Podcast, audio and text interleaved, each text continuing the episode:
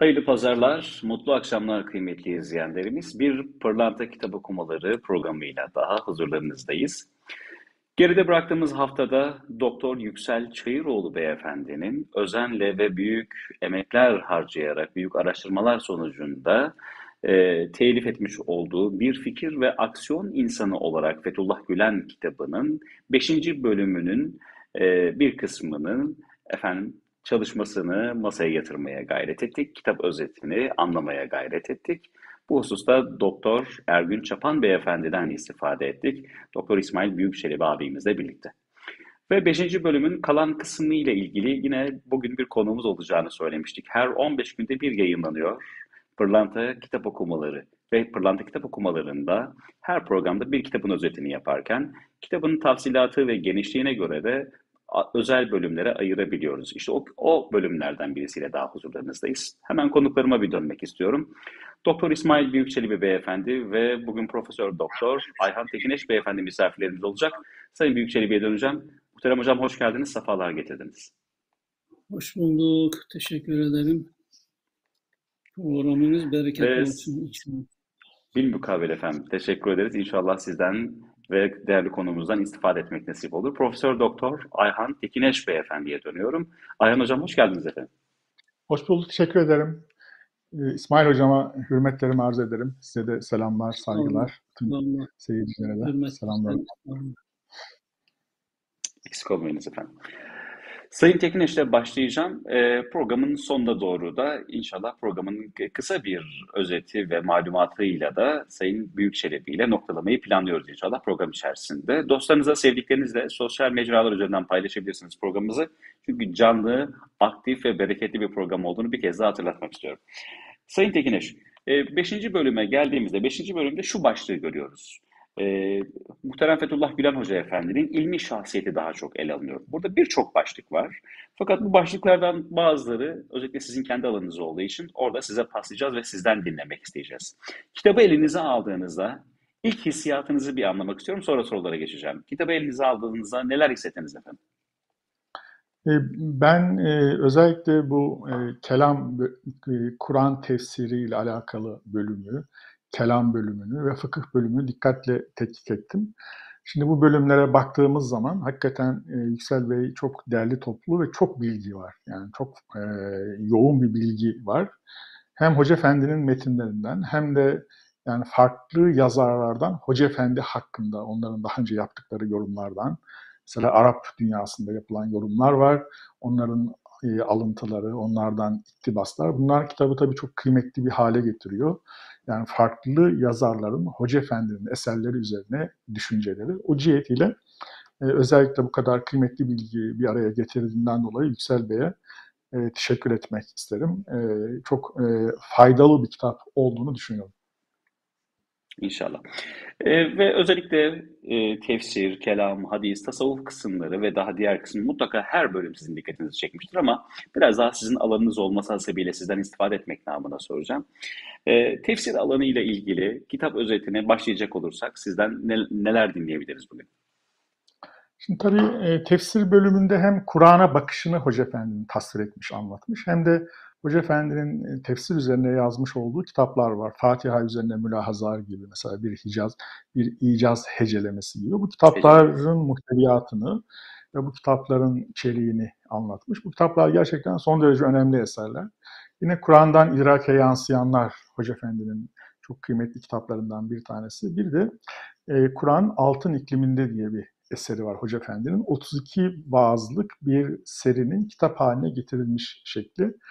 E, bu bölüm özellikle çok önemli çünkü Hoca Efendi'nin e, adeta bu bölümü şöyle düşünebiliriz. Hoca Efendi'nin e, 25. sözü şerh etmesi gibi düşünebiliriz. Yani 25. sözde Bediüzzaman Said Nursi Hazretleri Kur'an'ın icazının farklı vecihlerden anlatmış, Kur'an'ın dil yönüyle, üslup yönüyle nasıl mucize olduğunu, taşıdığı, ihtiva ettiği bilimler açısından ne kadar kıymetli olduğunu anlatmış. O bölümün sanki farklı kaynaklardan, İslami kaynaklardan e, alınan bilgilerle yeniden bir yorumlanması gibi düşünmek gerekir.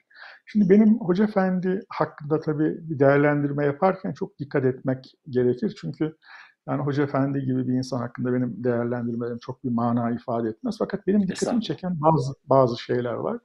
Yani Hoca Efendi'nin müthiş bir dil merakı var. Yani dil merakı var, kelama merakı var. Yani her alimin kendine mahsus bir takım ilgileri vardır, merakları vardır. Hoca Efendi'nin ben böyle baktığımda dile karşı müthiş bir alakasının olduğunu, kelimelere, anlamlara, hem Arapça hem Türkçe açısından.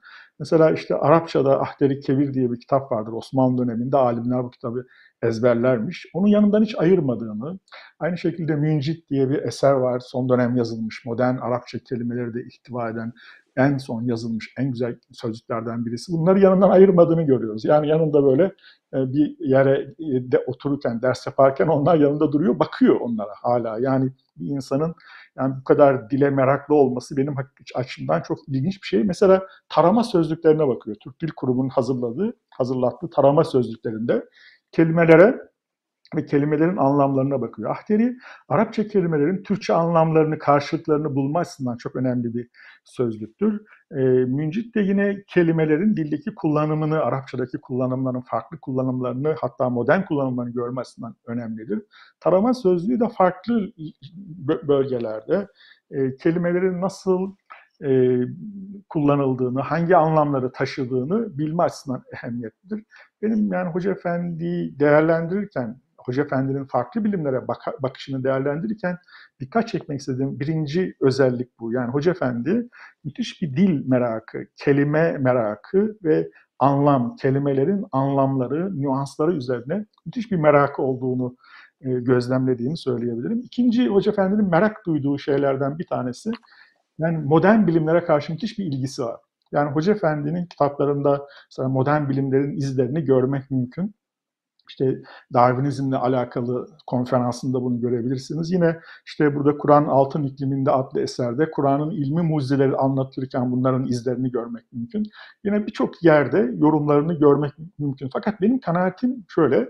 Yani mesela biz sosyal bilimciler modern bilimle ilgili, pozitif bilimlerle alakalı bazı şeyler biliriz. Bunları hemen kullanırız. Yani yani kullandığımız bilgi ya da bir sosyal bilimcinin pozitif bilimlere dair bildiği bilginin kullanma oranı çok yüksektir. Yani elinde zaten olan odur, o, o olanı da kullanır yani. Fakat Hoca Efendi'nin çok azını kullandığını düşünüyorum. Yani çok daha derin tıbba dair, fiziğe dair bilgileri olduğunu, merakı, tecessüsü olduğunu, yeni şeyler öğrenmeye karşı müthiş bir ilgisi olduğunu, fakat bunların çok azını yorumlarına e, yansıttığını, çok e, emin olmadığı, kati olmadığını düşündüğü, e, konularda e, yoruma girmediğini, onları bir yorum malzemesi olarak kullanmadığını, çok azını yansıttığını düşünüyorum ama müthiş bir böyle modern bilime karşı alakası olduğunu söyleyebilirim.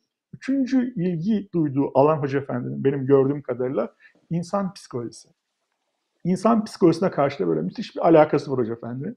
Yani böyle insanı tanıma, insanın insanın davranışlarını üzerine düşünme, insanın diğer insanlarla ilişkisi yani e, sosyal psikoloji dediğimiz alan üzerine, bunların üzerine müthiş bir ilgisinin, alakasının olduğunu, yoğunlaştığını görmek mümkün. İşte buna nereden geldik?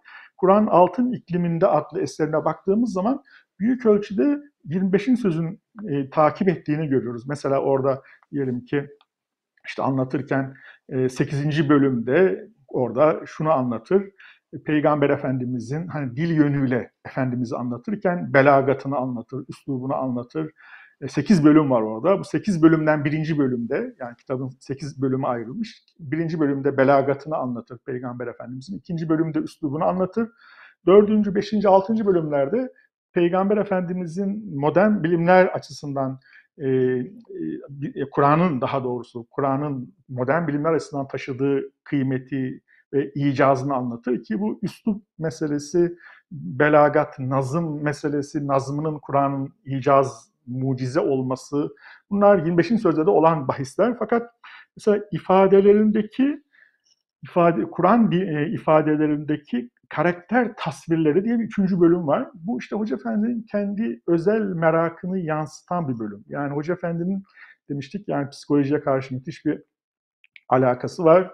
E, ve bu alakayı eserlerinde görmek mümkün. İşte bu bölümde mesela bunu çok açık bir şekilde görebiliriz. Bu, bu bölüme baktığımız zaman yani harikulade bir metin var karşımızda. Yani bir Kur'an'ın psikolojik açıdan yorumunun nasıl olması gerektiğini metodolojik açıdan burada adeta prensiplerini vaz etmiştir diyebiliriz. Burada Shakespeare'den örnek verir, işte e, Michelangelo'dan örnek verir. Yani farklı böyle sanatkarlardan örnek vererek mesele anlatır. Mesela Shakespeare'den verdiği örnekle yani Kur'an'ın üslubu, insan tasvirleri o kadar canlıdır ki mesela Shakespeare'de geçmişte işte e, Danimarka kralını ya da geç, çok daha eskilerden farklı bir tarihsel şahsiyeti canlandırırken çok müthiş tasvirlerde bulunur. Fakat der onların tasviri kendi dönemini yani Shakespeare'in kendi dönemini yansıtır. Kendi döneminin hassasiyetlerini o döneme taşır.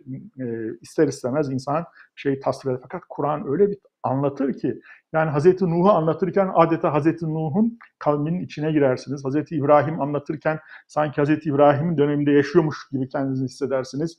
İşte Hazreti Musa anlatırken Hazreti Musa'nın kavminin bütün karakteristik özelliklerini Kur'an size yansıtır. Orada bütün o karakteristik özellikleri görürsünüz. Yani herhangi bir zaman diliminden geçmişe bakan bir perspektifle anlatmaz Kur'an-ı Kerim. Her anlattığı şahsiyeti o şahsiyetin kendi içinde yaşadığı dönemi dikkat alarak anlatır der ki bu cihetiyle hakikaten son derece e, önemli bir perspektiftir bu. Yani Kur'an'daki tasvirlerin e, kendi dönemlerini yansıtması meselesi. Yine orada e, anlatırken mesela şöyle bir şey var.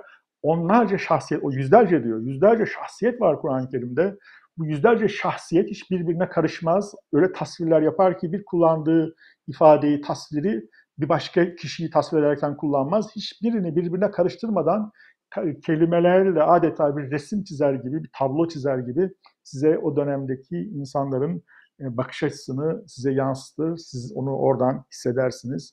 Yani orada adeta bir tabloda ya da bir sinemada seyreder gibi Hazreti Musa'yı, Hazreti Musa'nın kavmini, işte Tur'dan inişini, işte e, Kızıldeniz'den geçişini size bu şekilde yansıtır diyor. Yani mekanlar, tarihsel dönemler ve dö- hareketler, yani bir menzilden bir menzile, menzile geçişler, insan karakterleri bunları Kur'an-ı Kerim'in yansıtmasındaki harikuladeliği bahseder ki bunlar tamamen psikolojiyle alakalı şeyler.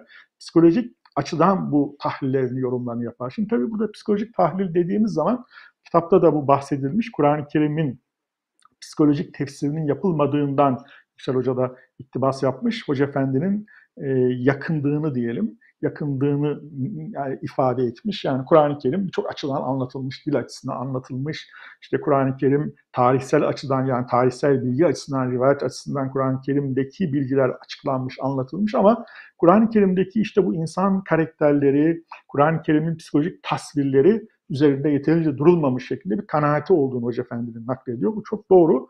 Hoca Efendi'nin tefsirinin en önemli özelliklerinden birisi Hoca Efendi'nin işte bu psikolojik tefsir yöntemidir diyebiliriz. Hatta işte Hoca Efendi'nin Kur'an'dan idrake yansıyanlar diye bir ayrı bir kitabı var biliyorsunuz. Bu kitapta e, Kur'an'daki bazı ifadeler üzerine yani bazı ifadeler, bazı ayetler üzerine yaptığı yorumlardan oluşan e, bir kitapları bu. Bu kitaba baktığımız zaman yani bunlar Hoca Efendi birçok ayet hakkında yorum yapıyor ama bunlar toplanmış, bir araya getirilmiş.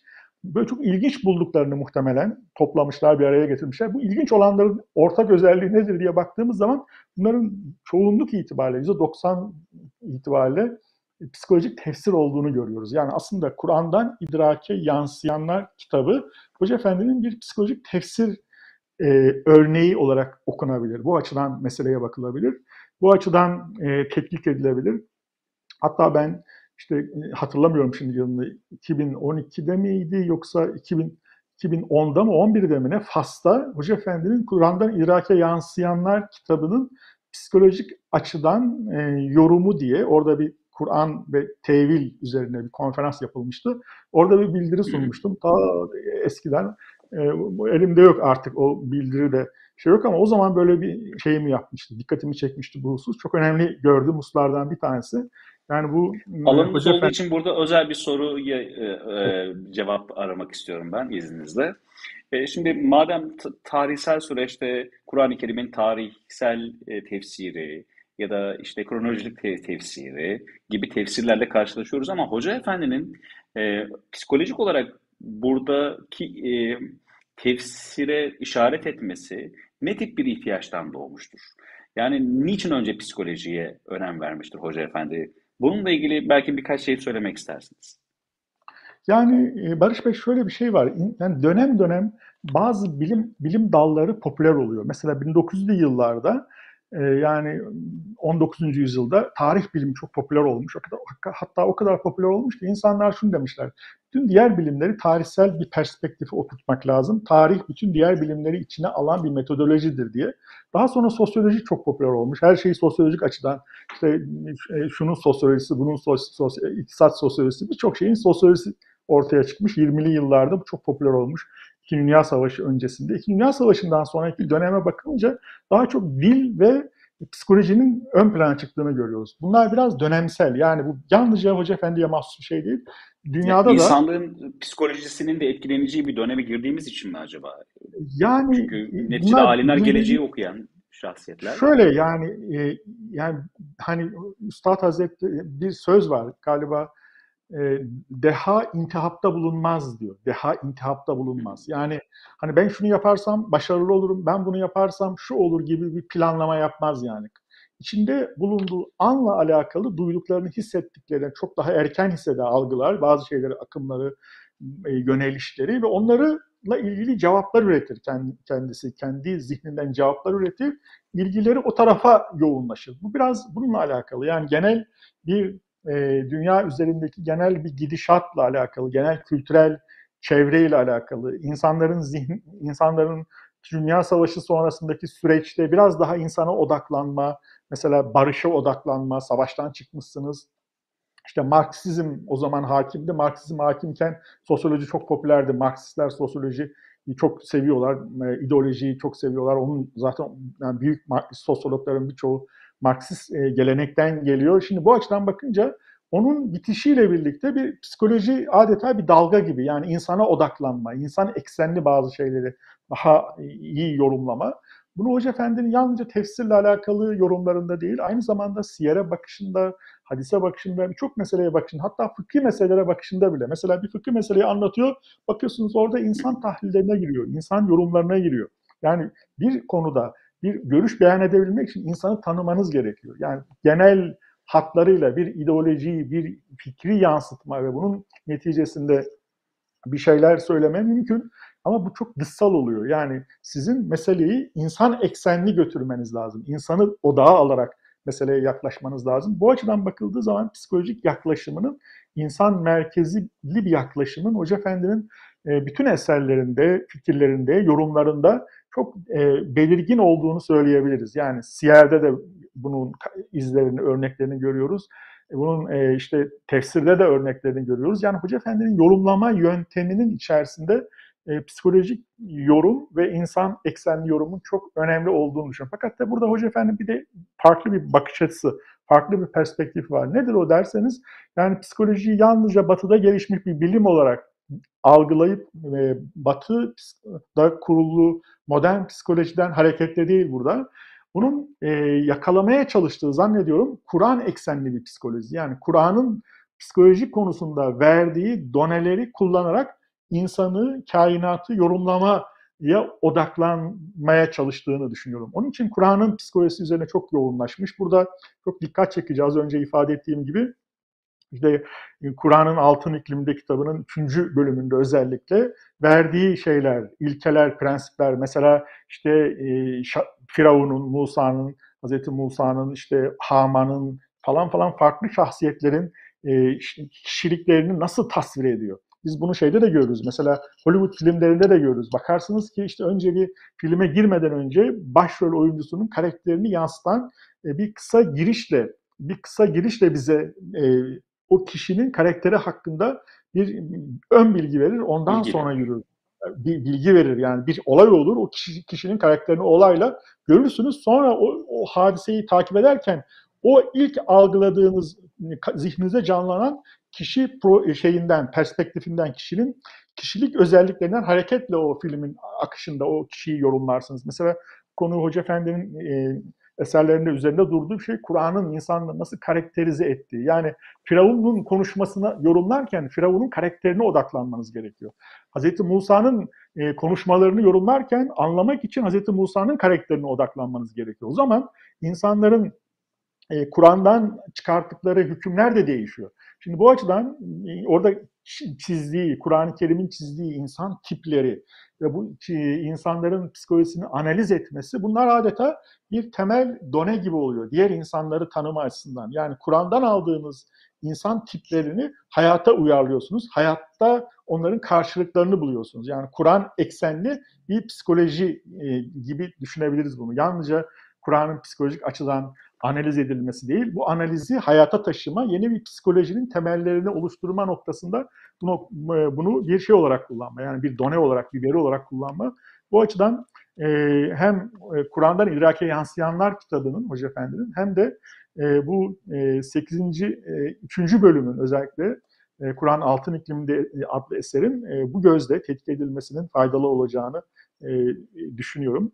E, tabii bu bölümde çok önemli şeyler var. Yani e, şeyle alakalı Yüksel Hoca'nın da temas ettiği meseleler var. E, ama e, zannediyorum e, kitabı okuyan arkadaşlarımız bunları kitapta çok daha e, detaylı bir şekilde göreceklerdir. E, tafsilatını oraya bırakarak diğer maddelere evet. geçecek olursak özet namına e, başka neler dikkatinizi çekiyor? Tefsirle ilgili böyleydi. Kelama kısmen bir e, değindiniz ama oradan mı devam edeceksiniz yoksa evet, kelam, kelam üzerine düşünmemiz gerekiyor. Kelam dediğimiz zaman Hoca Efendi kelamda daha çok Üstad Hazretlerini takip ediyor. Bediüzzaman Hazretlerini takip ediyor diyebiliriz. Ee, ya burada tabii Yüksel Hoca'nın dikkat çektiği bir husus var. Hoca Efendi'nin kitapla alakalı inancının e, inancın gölgesinde adlı iki kitap iki e, bir ve iki e, iki ciltlik bir kitabı var. O kelamla alakalı temel konular orada var. Fakat yalnızca o kitaplar değil, aynı zamanda kelamın konularını, mesela işte kelamın konuları nedir? Tevhid, e, Allah Teala'nın varlık ve bildiğinin ispatıdır. İkincisi nübüvvettir. Nübüvvet konusunu sonsuz nurda Hoca Efendi tetkik etmiş. İşte diyelim ki e, Kur'an'ın e, mucizeliğinin ispatıdır. E, yine kelamın konusudur. Bunu Kur'an'ın Altın İkliminde adlı eserinde anlatmış. İşte ahiret inancı bunu e, yine Hoca Efendi ahiretle alakalı yazmış olduğu e, kitapta e, anlatmış. İşte e, öbür taraftan e, yine önemli bir mesele melekler ve ruhani varlıklar e, bunun e, varlığı metafizik boyutu adlı eserinde anlatıyor. Yani kelamın bütün konularını aslında böyle teker teker müstakil kitaplar halinde Hoca Efendi ele almış, tetkik etmiş. Hatta siyeri bile kelam perspektifinden e, anlatmış diyebiliriz. Çünkü e, sonsuz nurun yapısına baktığımız zaman kelamda e, bir peygamberde bulunması gereken sıfatlar var. İşte bu sıfatlar ismet sıfatı, işte fetanet sıfatı, emin olma gibi sıfatlar. Bu sıfatlar üzerinden Peygamber Efendimiz'i tasvir etmiş. Bu sıfatlar üzerinden tasvir ettiğiniz zaman aynı zamanda aslında bir kelam kitabı yazmış oluyorsunuz. Yani nübüvveti ispat e, da esas alınan temel kriterleri dikkat alarak konuşmuş oluyorsunuz. Bu bir e, yönüyle bakıldığı zaman e, Sonsuz Nur bu cihetiyle bir kelam kitabı gibi olarak değerlendirilebilir. Fakat kelam konularında benim gördüğüm kadarıyla daha çok Bediüzzaman Hazretleri'ni takip etmiş. Yani çok onun şeyinin dışına çıkmamış. Onu şerh etme, tazih etme ve açıklama gibi. Yani pekala yapabilirdi. Yani pekala farklı e, açılardan kelam konularını inceleyebilirdi. Ama böyle bir e, şey görmemiş. Yani kendisi Bediüzzaman'ın ihtiyaç görmemiş e, diyelim. Böyle bir e, yani çok çok kolay yapılabilir yani bu. Olmayacak bir şey değil. Çok kolay bir şekilde farklı bir metot takip edebilirsiniz. Farklı bir yazarı takip edebilirsiniz. Kendiniz yepyeni bir yol çizebilirsiniz. Fakat Hoca Efendi kelam konularında daha çok e, Üstad Hazretleri'ni Bediüzzaman'ı takip etmiş. Bediüzzaman'ın kelamla alakalı ortaya koyduğu prensipleri, ilkeleri, özet halinde bize verilen bilgileri Kur'an'dan, sünnetten örneklerle açmış, çeşitlendirmiş. Böylece Bediüzzaman'ın felsefi ve e, biraz da e, felsefi, biraz da kelami, e, kelam, İslam kelam geleneğinin nin özeti halinde e, getirip bize sunduğu bilgileri yeniden e, şey eksendi. Yani Kur'an ve sünnet eksenli şerhini yapmış, yeniden buluşturmuş yani. Klasik e, kelam geleneğiyle, klasik İslami ilimlerle bir buluşmasını yapmış. Mesela Kader kitabında bunu çok açık görebiliriz. Kader kitabında baktığımız zaman evet kaderle alakalı çok sayıda ayet var, hadis var. Bunların arasını telif etmek çok zordur. Yani hem cebre işaret eden ayetler vardır, hadisler vardır, hem işte e, hür iradeyi anlatan e, ayet ve hadisler vardır. Bunların telifini yaparken işte Bediüzzaman e, Hazretlerinin 26. sözde verdiği verileri bir done olarak kullanmış, bir yapı olarak kullanmış. Onun üzerine adet o peteklerin içerisine e, ayetleri, ayetlerin nasıl telif edileceğini yerleştirmiş. Bu çok tabii e, zor bir şey. Yani ayetler üzerinden, e, o hadisler üzerinden hiçbir tanesini atlamadan. Yani çünkü şöyle gider yani genelde bu işler. Şey yaparsınız yani belli bir konuda belli bir yaklaşımınız vardır e, sizin yaklaşımınıza uymayanları görmezden gelirsiniz. Ya bu zayıf dersiniz ya işte bu e, diğer rivayet daha sahih dersiniz.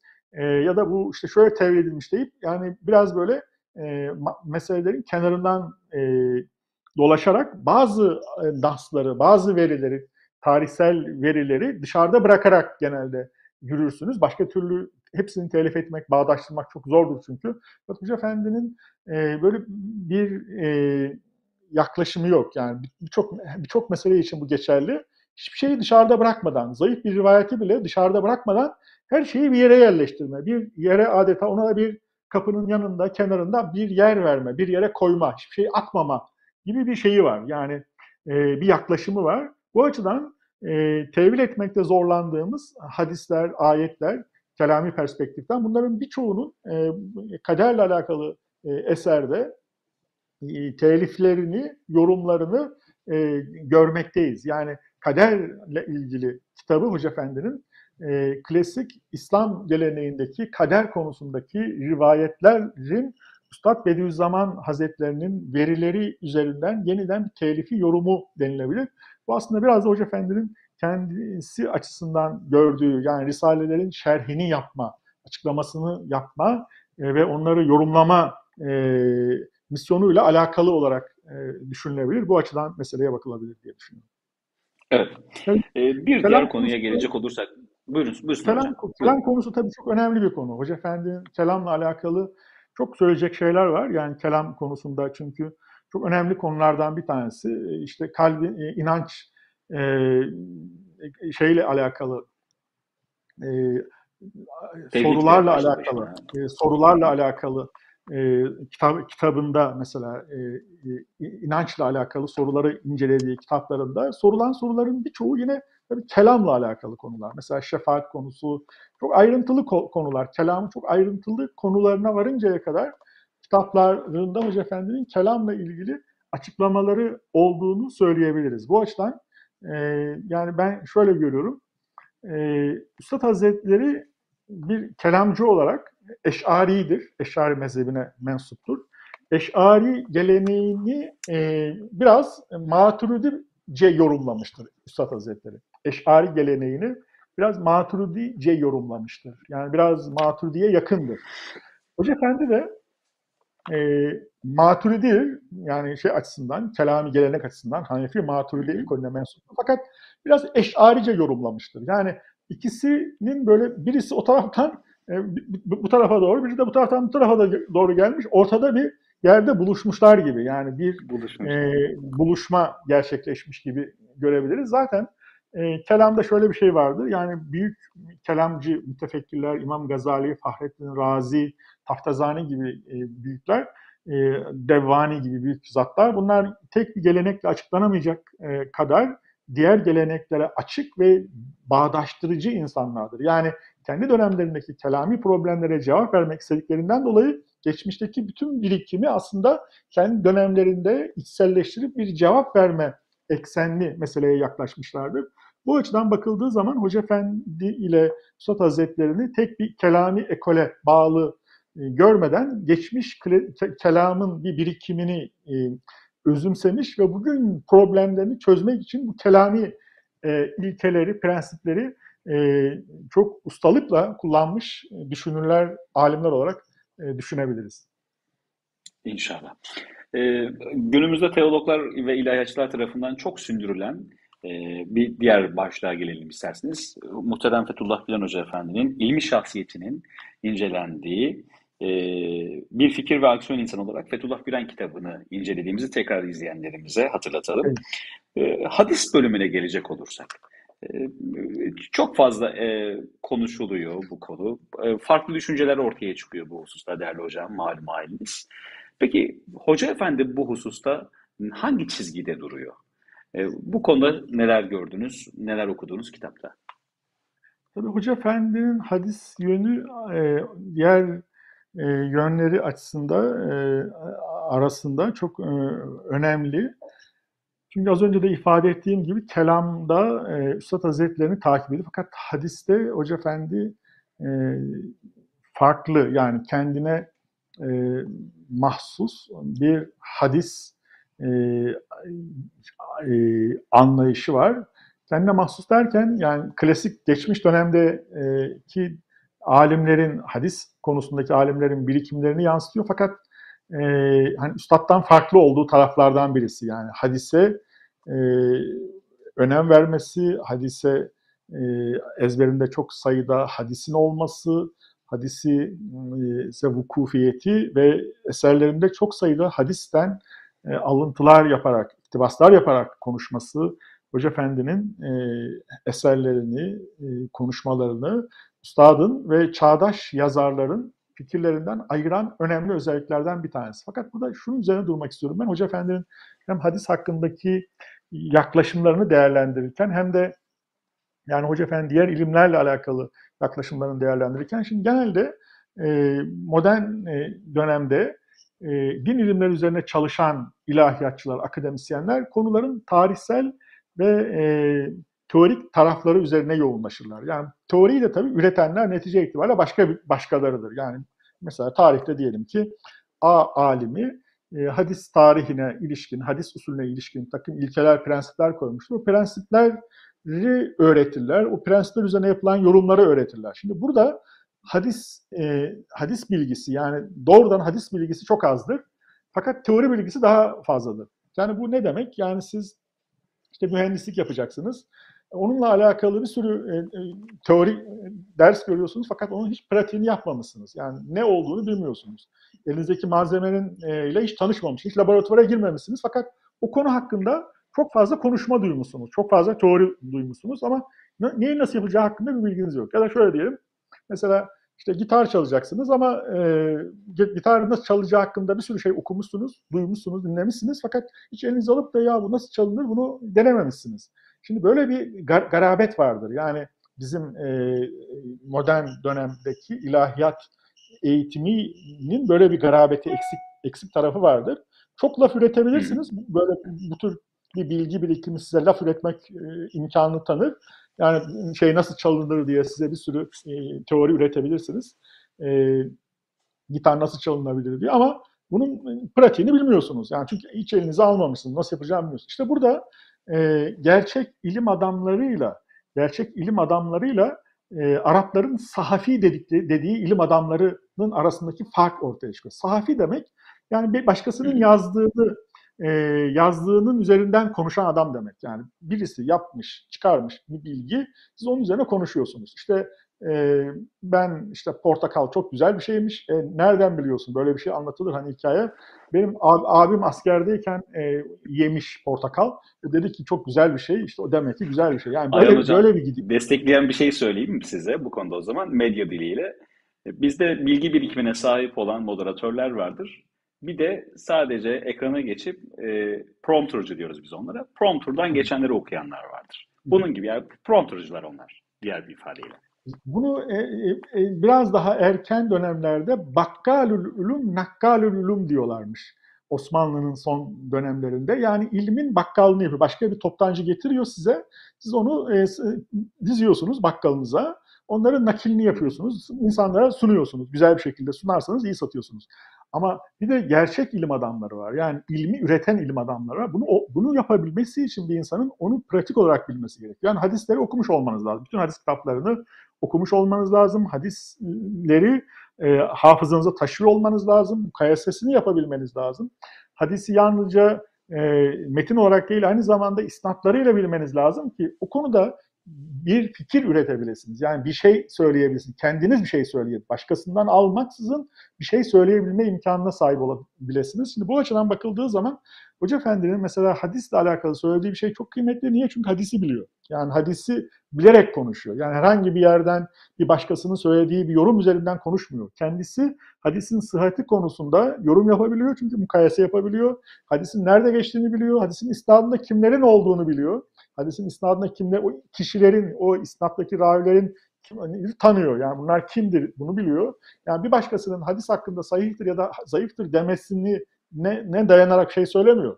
O isnatta bulunan şahısların e, derecelendirmesi var hadis ilminde.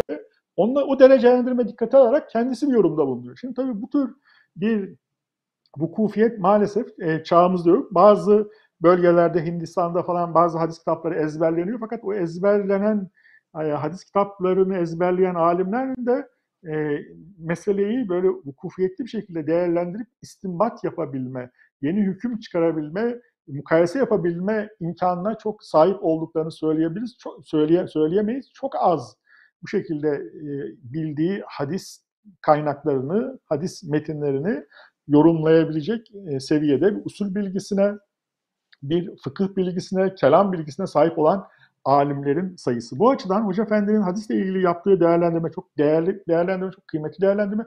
Hadisle alakalı çok ayrıntılı denecek kitapları dahi okuduğunu, hadis şerhlerine e, okuduğunu, talebelerine okuttuğunu, mesela işte bir İhya şer, şerhi vardır Zevidi'nin.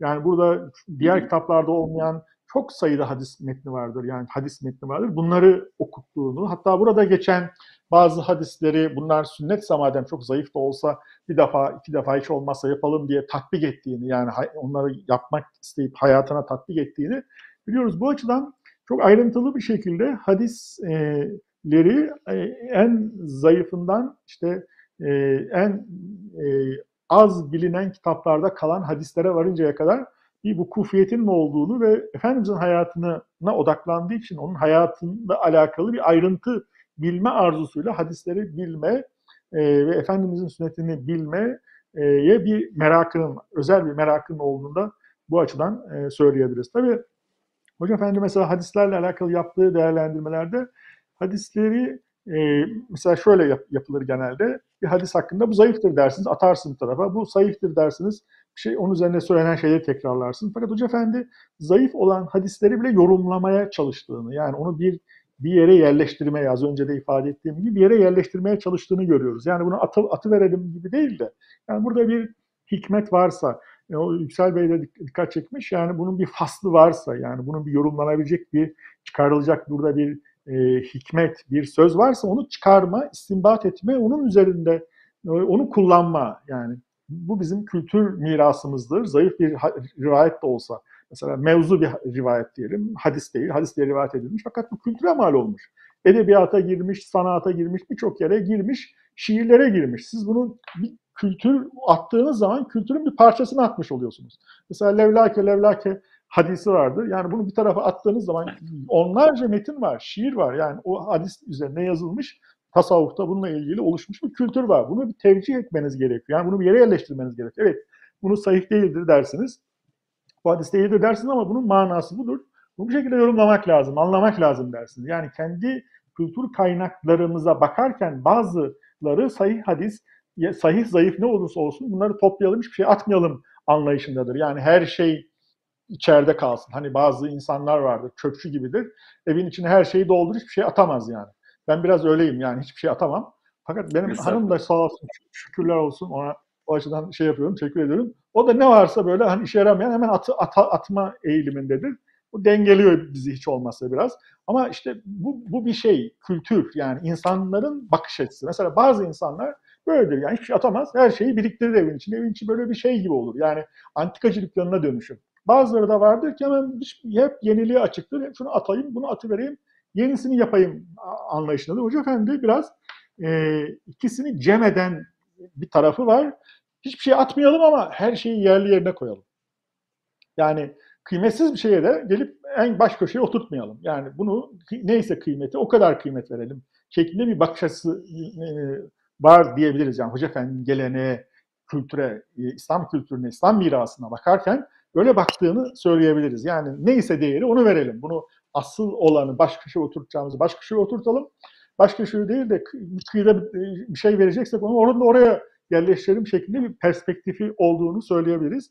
Hadisler hakkındaki yorumlarında da e, diğer bazı böyle eskiden gelmiş anlatılan belki işte aslı çok olmayan bazı işte sufi hikayeleri, tasavvufi hikayeler, peygamberlerin hayatıyla ilgili anlatılan kültüre mal olmuş bazı hikayelerin anlatımında da böyle bir yaklaşımı olduğunu söyleyebiliriz. Yani bir ikna ile e, her şeyin değerini e, bilen bir e, adeta e, bir uzman, e, antikacı gibi her e, karşılaştığı materyali hakkıyla değerlendiren ve yerli yerinde koyabilen e, ender şahsiyetlerden birisidir diyebiliriz bu cihetiyle. Evet. Bir diğer lezzetli bir konuya geleceğim. Lezzetli dememin sebebi gerek işte Kafkaslar'da, Balkanlar'da, bizim kendi kültürümüz, Türkiye halkı tarafından da sevilen bir konudur tasavvuf. Tasavvufla ilgili bakış açısı, oradaki tasavvuf dünyası Hoca Efendi'nin bu hususta bizlere neler söyler değerli hocam? Bu konuda biraz daha kolay söylemesi çünkü Hoca Efendi'nin son belki 20 yıldaki en e, çok üzerinde durduğu konulardan bir tanesi tasavvuf konusu. Tasavvuf konusunda yazdığı müstakil eserler de var.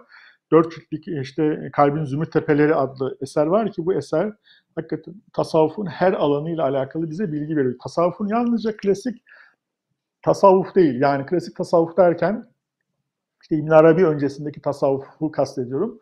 Yani işte 3. 4. asırda zahitlerin e, temsil ettiği, büyük sufilerin ortaya çıktığı e, züht dönemi e, ve işte onun akabinde 4. asırda ortaya çıkan daha çok e, muhasibi tarafından şekillendirilmiş olan e, tasavvuf anlayışı, Gazali, e, işte Kuşeyri'nin tasvir ettikleri tasavvuf, bu tasavvufun e, temel ilkeleri ve yaklaşımlarını Hoca Efendi'nin Kalbin Zümrüt Tepelerinde bir de iki de bunları görmek mümkün. Bunların yanında daha sonraki dönemde İbn Arabi sonrasında ortaya çıkmış yeni problemler var. Vahdet, vahdet vücut meselesi var. Varlık eksenli yani e, varlıktan hareketle yalnızca insan iradesini değil bütün alemi yorumlayacak tarzda bir tasavvufi e, anlayış var ki buna metafizik tasavvuf diyoruz. Yani da felsefi tasavvuf diyoruz. Hoca Efendi'nin e, Kalbin Zümrüt Tepeleri adlı eserinde 3'te 4'te bu konunun da temel e, ilkelerinin vaz edildiğini söyleyebiliriz. Bununla alakalı ben Vice'da bir seri yapmıştım. Yani e, arzu etmiştim ki Allah Teala'nın orada e, kelami konular da var. Çünkü metafizik tasavvufa girdiğiniz zaman ister istemez kelami konulara da girmeniz gerekiyor. Allah Teala'nın sıfatları, Cenab-ı Hakk'ın isimleri, işte e, e, sübuhat ve işte e, ayağını sabite, metafizik alemler, ulvi alemler çok konu var burada. Bunlar kelamın da konuları aynı zamanda. Yani bu eserdeki kelami konular e, metafizik e, e, tasavvufun konuları, ortak konuları olduğu için her iki açıdan da e, önemli yani bu e, buradaki metinler. Mesela ben orada e, Vice'da yaptığım şeyde Allah Teala'nın sıfatlarını, isim ve sıfatlarını e, bir şey yapayım. Böyle bir e, video serileri halinde, ders serisi halinde yapayım diye arzu etmiştim. E, yalnızca Cenab-ı Hakk'ın e, lafz-ı celal yani Allah lafzı ile alakalı bahis bir makaledir o. O makaleyi 9 ders zannediyorum olarak anlatmıştım. 9 dersi anlatmıştım. Ne, neredeyse bir şeyin yani e, klasik kelam kitaplarındaki tevhid bahsinin e, bir özeti gibidir orası. Oradaki bütün temel meseleler orada e, kısa kısa anlatılmıştır. Yani daha hani devam etmeyi düşünmüştüm. Yani sıfatlar konusuna falan da gireyim. Ama çok şey yapıyor. Çok ayrıntı var. Üzerinde durulduğu zaman çok fazla e, ayrıntıya girmek gerekiyor. Şey yaptım onu, o, o şekilde bırakmıştım. Yani hedefim biraz e, sıfatlar konusunu da anlatayım diye e, istemiştim ama olmadı o. Onu yapamadım ama o zaman fark ettiğim bir şey ki yani e, sıfatlar konusundaki tespitleri çok ince, çok derin, e, böyle e, oturup çalışmadan, e, onun üzerine yoğunlaşmadan oturup anlatılacak kadar kolay değil. E, ve gerçekten hani böyle üzerine kafa yorularak e, felsefi tasavvufun e, felsefi e, kelam dediğimiz ici sonrasındaki kelamın e, bütün temel konularının o bölümdeki makalelerde ele alındığını, yazılarda ele alındığını e, söylemek mümkün. Tabii bunlar e, yazılı metin olması, Hoca Efendi'nin kaleminden doğrudan çıkmış olması cihetiyle her bir kelimesi üzerinde düşünülmüş ifadeler. Bu cihetle çok güzel.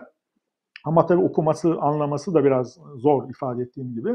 Bunun tabii e, güzel bir tarafı da şu, Hoca Efendi Amerika'ya gittikten sonra yaptığı konuşmalarda Krik Testi serisindeki konuşmalarda aslında bu dört cildin bir açıklamasını yapmış. Yani Krik Testi serisi ne Hoca Efendi'nin tasavvuf konusundaki e, yorumları olarak da gö- görmek mümkün. Yani açılımlarını, şerhlerini de yani kendi kitabının şerhlerinin, açılımlarını Hoca Efendi aslında kendisi e, yapmış diyebiliriz. Bu açıdan biraz kolaylaştırıyor. Yani pratiğe yansıtma, onu birleştirerek yani Krik Testi serisindeki sohbetleriyle Hoca Efendi'nin e, işte Kalbin Zümrüt te- tepesindeki metinlerini bir araya getirdiğiniz zaman e, bunlar birbirinin şerhi gibi e, görülebilir. Onun için son dönem özellikle son 20 yılda Hoca Efendi'nin daha çok e, tasavvuf konusu, insan konusu, insanın davranışları, insanın kendini keşfetmesi, insanın Allah Teala ile olan ilişkisi, Rabbi ile olan ilişkisi, insanın metafizik alemler üzerine düşünmesi ve tefekkürü bu konular üzerine yoğunlaştığını, bu konular üzerine e, hem sözlü hem yazılı e, metinler ortaya koyduğunu söyleyebiliriz. İnşallah. Başlıkları hızlıca hatırlatacağım size. Aslında hadis konusundan hemen sonra hatırlatmayı düşünüyordum. E, siyer anlayışını e, Fethullah Gülen Hoca Efendi'nin ama e, yeri burasıymış. Burada dinleyelim sizden. E, siyer anlayışı ile ilgili muhterem Fethullah Gülen Hoca Efendi bizlere nasıl bir duruş sergiliyor? Buradan neler anlamalıyız? Şimdi siyer konusunda siyer felsefesi e, e, e, Bey bu konu üzerinde e, durmuş Hoca Efendi'den bir alıntı yaparak siyer felsefesinin yapılmadığından Hoca Efendi'nin şikayet ettiğini, e, bundan yakındığını ifade etmiş. Evet siyeri anlatan çok tafsilatlı kitaplar var. Peygamber Efendimizin çok farklı yönleri anlatılmış. Fakat bunun felsefesi yapılmamış. Ne demek siyerin felsefesi?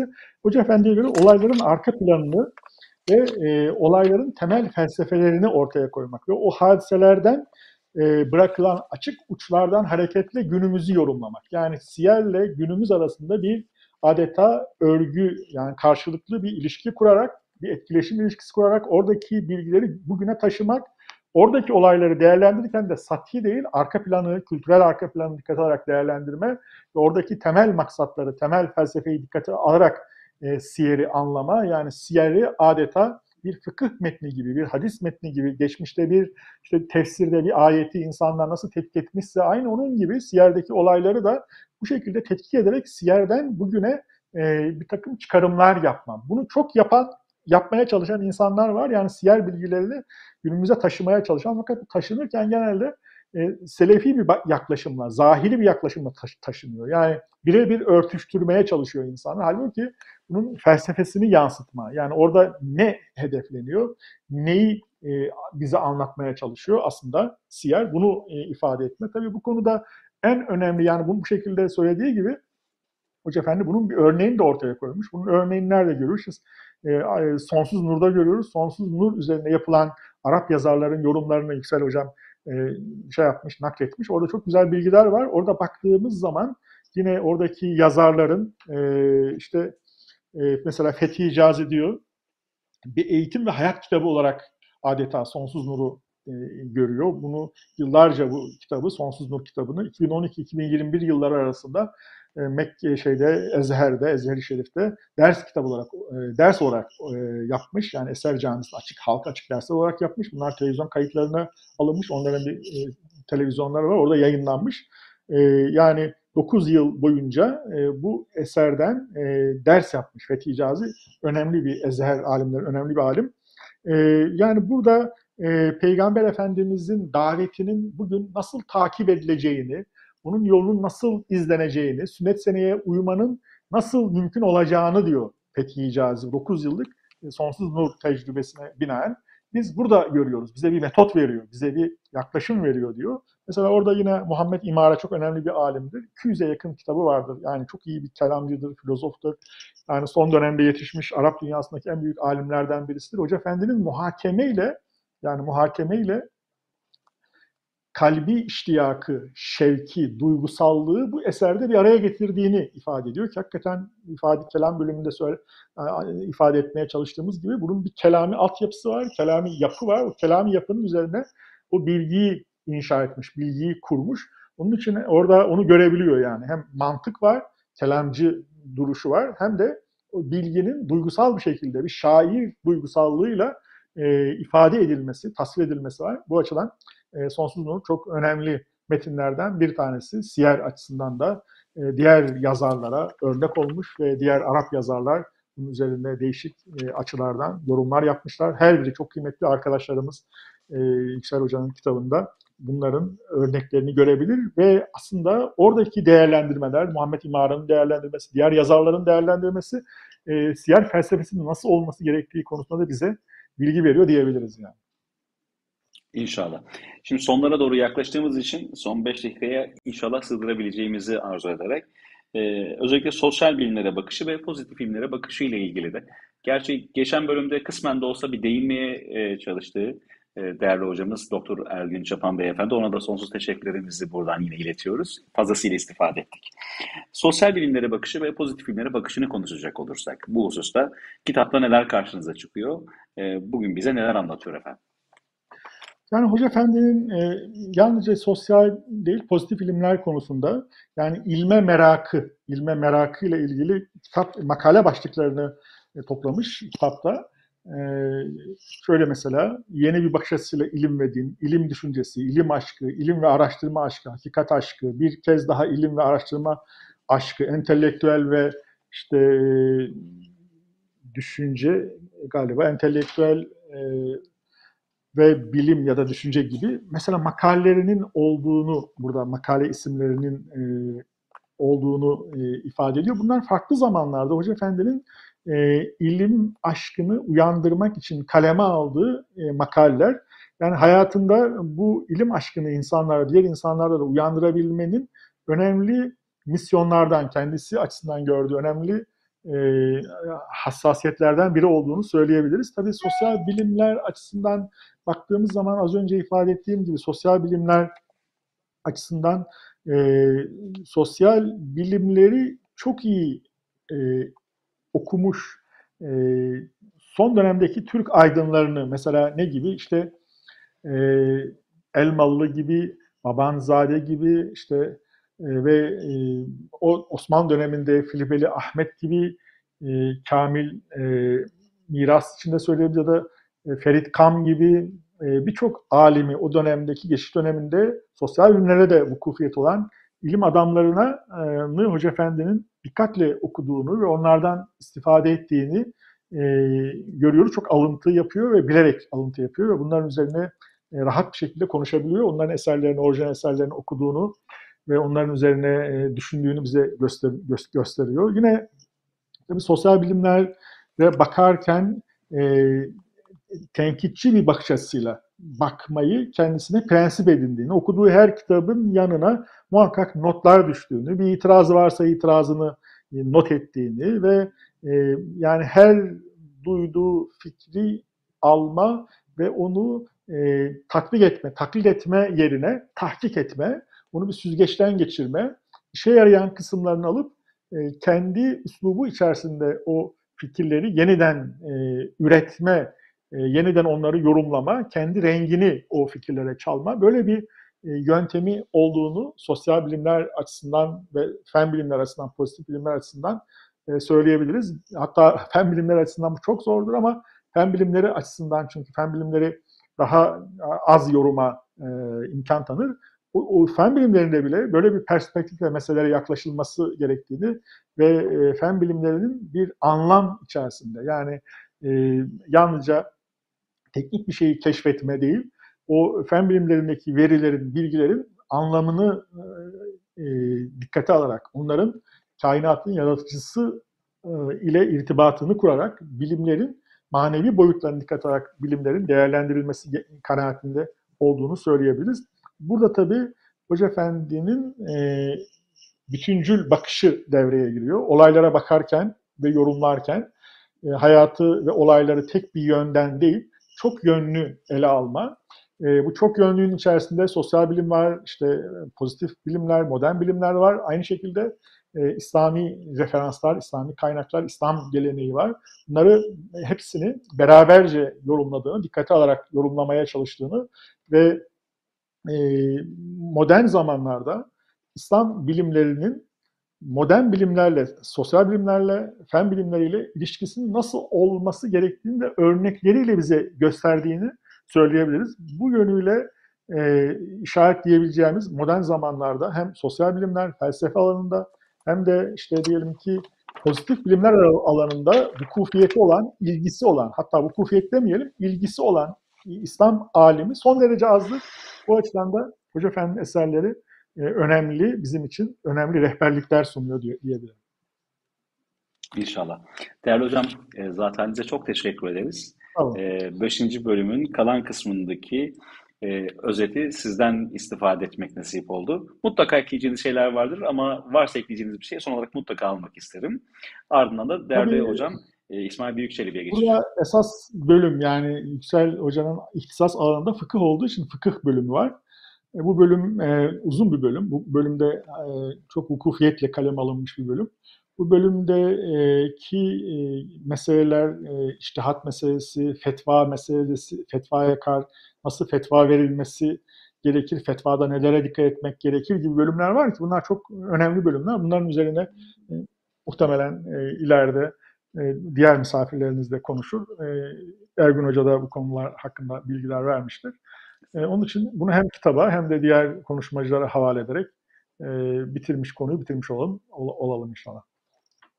Çok teşekkür ederim. Allah razı olsun değerli hocam. Hemen Doktor İsmail Büyükçelebi hocama döneceğim. Bir şaşkınlığımı itiraf ederek döneceğim. Hocam şöyle bir şaşkınlığım var.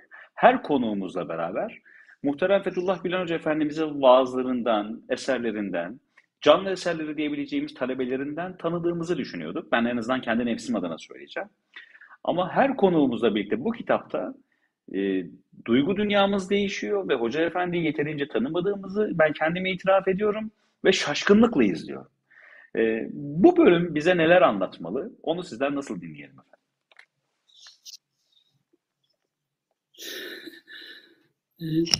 Siz, siz benim adeta içimi okudunuz.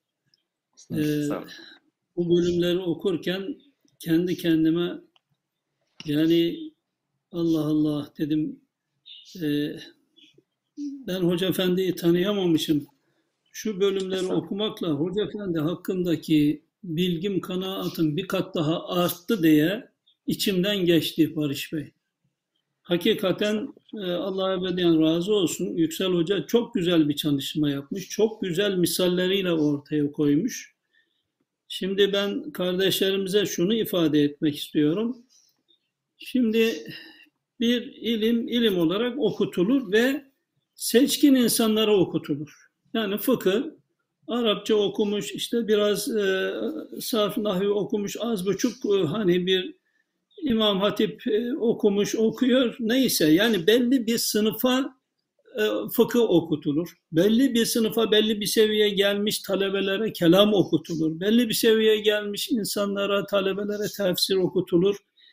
Hoca Efendi bu seçkin insanlara okutulacak bu ilimleri cami kürsüsünden herkesin anlayabileceği seviyeye getirmiş, herkesin anlayabileceği seviyeden herkese anlatmış. Şimdi tabii eski kitapların başında hadis lafzı geçer, tefsir lafzı geçer, kelam lafzı geçer. Ee, bilirsin ki ha bu kitap fıkıh kitabıdır, bu kitap kelam kitabıdır, bu kitap işte tefsirdir vesaire. Şimdi Hoca Efendi'nin kitaplarının başında böyle bir şey geçmiyor. Geçmeyince insan o kitaplarda hakikaten bütün bu ilimlerin böyle anlatıldığını ilk okumadan e, ihtimal vermiyor yani. Hoca Efendi o vaazlarında, sohbetlerinde meseleleri tam o hangi ilimle alakalı bir mesele ise o ilmin kanunlarına göre, prensiplerine göre, usul kaidelerine göre ifade etmiş. Ve bu e, meselelerin dayandığı ayetleri, hadisleri de göz, göz önüne sererek. Yani e, esas farklılık e, şurada hani kelam ilmi okutulur. Kelam nedir? İşte kelam mezhepleri nelerdir? İşte efendim hak mezhepler hangisidir? Sapık mezhepler hangi? Bunlar okutulur. Ha, bir ilim olarak bunu öğrenmiş olalım. Fıkıh okutulur işte bir ilim olarak öğrenmiş olalım. Hoca Efendi ilimlere katiyen böyle bakmamış. Şimdi bu ilimler ilim olsun, öğrenilsin diye meydana çıkmamış ki. Yaşanıldığı için, yaşanılacağı için bu ilimler ortaya çıkmış. Hoca Efendi de o ilimleri, mesela bin sene evvel konulan kaideler var, prensipler var, çıkarılan hükümler var.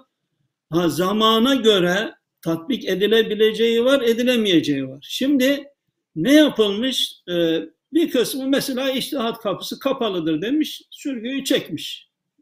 Bir kısmı da akıl var, mantık var, İslam akıl denidir demiş. Kendine göre fetva kapısız, arkına kadar açık. Şimdi Hoca Efendi ne diyor? Efendim karşımıza çıkan bir kısım prensiplerin halli için bir heyetin artık iştihat yapması. Ne kapalı ne açık. Ne tamamen kapalı ne ardına kadar açık. Bakın her şeyi böyle tam e, tamına öyle yerleştirmiş ki buna ihtiyaç var mı? Var. İslamiyet buna da çare getirmiş midir? Çünkü çözüm yolu bulmuş mudur? Bulmuştur. Şimdi iştihat niçin var? Her şey Kur'an-ı Kerim'de ayetle sabit olacak. Her şey hadisle sabit olacak. Bu mümkün değil ki. Milyonlarca mesele vardır halledilecek yani. Şimdi İslam'ın getirdiği ana prensiplere göre iştihatlar yapılarak hakkında nas olmayan meseleler e, halledilmiştir.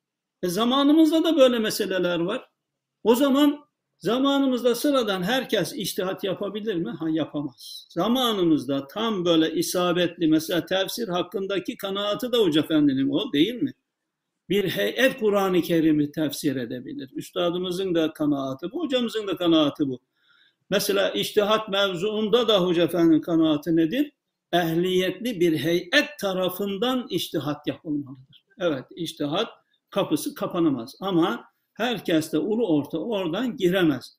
Şimdi Hoca Efendi hangi ilimle alakalı konuşursa konuşsun, bakın bunu hiçbir ben bir ilim adamının vardır belki öyleleri biz bilmiyoruzdur ama yani hangi ilimle konuşursa konuşsun her e, o ilmin o usul prensiplerine göre konuşuyor ve o meselelerin dayandığı ayetiyle hadisiyle ortaya koyarak ve zamanımıza uygun olarak. Şimdi mesela bir tasavvuf meselesi. Şimdi tasavvufta esas e, hedef nedir? İnsanın kamil bir insan olması, manevi ruhi yönünü yüceltmesi. Şimdi bunun için ne denilmiş? İşte inziva etmek lazım. Çekilip bir kenarda evradı eskerle meşgul olup efendim kalbi işlettirmek lazım, ruhu tasfiye etmek lazım, nefsi tezkiye etmek lazım. Tamam. Ama Hoca Efendi bunu nasıl ele almış? Ne efendim artık tasavvuf masavvuf yoktur deyip çıkmış bir kısım selefiler gibi. Efendim ne de evet bir mağaraya çekilmemiz lazım demiş. Ha, peki mağaraya çekileceksin. İrşat tebliğ vazifesini kim yapacak? Bak şimdi Hoca Efendi hem efendim İslam'ı biz gerçek efendim e, Efendimizin yaşadığı gibi, ashab-ı kiram efendilerimizin yaşadığı gibi e, nasıl yaşayabiliriz? O yolları göstermiş. Hem de irşat, tebliğ vazifesini ihmal etmeden. Bunun yollarını da fevkalade misalleriyle beraber ortaya koymuş. Yani e, hocamızdan Allah ebediyen razı olsun. Hakikaten tam bir tecdit yani. Bu yaptığı şeylere baktığımız zaman İslam'ından hem en küçük bir taviz vermiyorsun. Yani hiçbir kimse diyemez ki Hoca Efendi şurada şu ayete aykırı, şu hadise aykırı. Hatta Hoca Efendi biliyorsunuz daha evvelki şeylerde de geçti. Ee, İmam-ı Azam gibi, diğer mezhep imamları gibi, efendim büyük müfessirler, büyük muhaddisler, o büyük saydığımız büyük efendim selefi salihine de son derece saygılıdır. Yani değil e, ayete, hadise karşı çıkacak. Hoca Efendi İmam-ı Azam gibi kimselere dahi efendim karşı çıkmama hususunda çok hassastır. Hani farklı bir şey söyleyecekse de böyle çok nezaketli bir şekilde söylemiştir. Ee, binaenaleyh hani hem İslam'dan hiç taviz vermemek hem de İslam'ın kelamını, fıkhını, hadisini, tasavvufunu bu asırda yaşamak. Yani bu kadar güzel ifade edilir. Artık bize düşen de Barış Bey, hani böyle şahsi olarak bizim bu meseleleri kavramamız çok zor. Hoca Efendi çoğu şeyi hani hep heyet halinde yapmak lazım diyor ya. Bu sohbetleri, dersleri de heyetler halinde yapmamızı tavsiye ediyor. Heyetler halinde toplu yapılan dersler diyor cemaatle namaz gibi bereketli olur diyor. Cemaatle namaz benzetmesi çok güzel.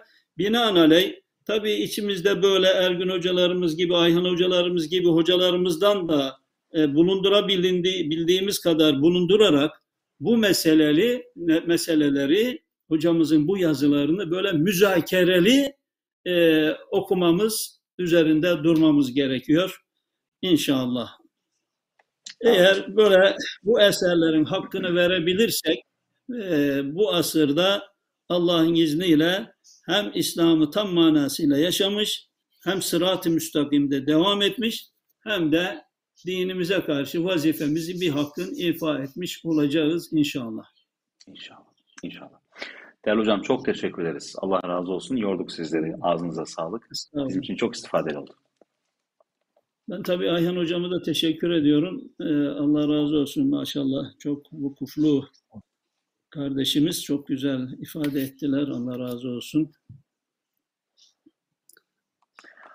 Ayhan hocam, siz de hocam mikrofon. Yani ben e, İsmail abiye e, çok teşekkür ederim. İsmail abinin böyle bir şeye vesile olması, özellikle Hoca Efendi'nin eserlerini tanıma ve yeniden düşünme, Hoca Efendi'nin eserleri üzerine yazılmış kitapları üzerinden Hoca Efendi'yi düşünme. E, tabii bu güzel bir şey. Yani çünkü her bir arkadaşımızın farklı dikkat çektiği hususlar var. Çok bilgi topluyorlar farklı açılardan.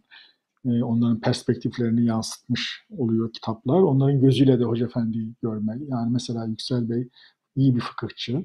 İsmail Hocam da çok iyi bir fıkıh e, e, uzmanı, fıkıh ilmini bilen bir insan. Onların fıkıh açısından meseleye yaklaşımları diğer insanlar için de bir vesile olmuş oluyor. Yani daha iyi fıkıh açısından Hoca Efendi'yi nasıl anlarız? Bu güzel bir şey. Bir e, büyük ilim adamının ya da filozofun batıda e, bir e, ekol olması ya da bir işte İslam tarihinde bir ilim adamının bir mezhep haline ge- gelmesi yani mezhep yol haline gelmesi. Mesela İmam Gazali'de bir yol olmuştur. Hani bir mezhep olmasa bile olması talebelerinin o ilim adamı üzerine yazdığı eserlerle olur. Yani eğer talebeler o ilim adamının fikirleri üzerine kitaplar yazarlar, referans verirler, onun metodolojisini takip ederlerse o ilim adamının fikirleri daha sonraki asırlarda ve mal olur bir gelenek oluşmuş olur. İşte Hoca Efendi'nin özellikle üstadı refere ederek, onun izini takip ederek bazı konularda özellikle bunu belirttim, e, e, takip etmesi e, üstadın geleneğini e, devam etmesine vesile oluyor. Hoca Efendi'nin eserleri üzerine de arkadaşlarımızın yazdıkları kitaplar üstadla başlayan bu yeni dönemdeki ilim geleneğinin bir cadde-i kübra gibi genişlemesine, metotlarının şekillenmesine, belirmesine ve daha belirgin bir şekilde insanların bildikleri konularla mezcedilerek e, bir adeta yeni yol gibi, yani yeni bir yaklaşım, metodoloji gibi e, algılanmasına vesile olacaktır. E, diğer insanlara da bir köprü olacaktır bu eserler, bu eserler üzerine yapılan konuşmalar. Bir alimin ya da mütefekkirin fikirleri üzerine konuşmak ve yazmak onu kıymetlendirir, onu değerlendirir. Geçmişte çok büyük alimler vardır. Üzerine yazılmadığı için bir köşede unutulup gitmiştir ama Bediüzzaman Hazretleri ile başlayan gelenek içerisinde Hoca Efendi ve, e, Hoca Efendi'nin işte takip ettiği metodoloji üzerine daha çok yazı yazan hoca arkadaşlarımızın, e, akademisyenlerin e, ve üzerine konuşan, fikirlerine referans veren İsmail abi gibi büyüklerimizin, abilerimizin gayretleriyle şekillenecek, biçimlenecektir inşallah. Selamlar, İnşallah. hürmetler arz ederim. Eyvallah. Her ikinize de çok teşekkür ediyoruz. Efendim iki haftada bir devam ediyor programımız. Pırlanta Kitap Okumaları kıymetli izleyenlerimiz Doktor İsmail Büyükçelebi ve Profesör Doktor Ayhan Tekinleş hocamızdan istifade ettik. Bir diğer programda yine huzurlarınızda olmayı ümit ediyoruz. Yine aynı kitapla devam edeceğiz. Bir fikir ve aksiyon insanı olarak Fethullah Gülen kitabı biliyorsunuz Doktor Yüksel Çayıroğlu imzasıyla neşredildi. Kitabın diğer bölümü, 6. bölümüyle yine farklı konuklarla huzurlarınızda olmayı ümit ediyoruz. Görüşünceye değin Allah'a emanet olunuz.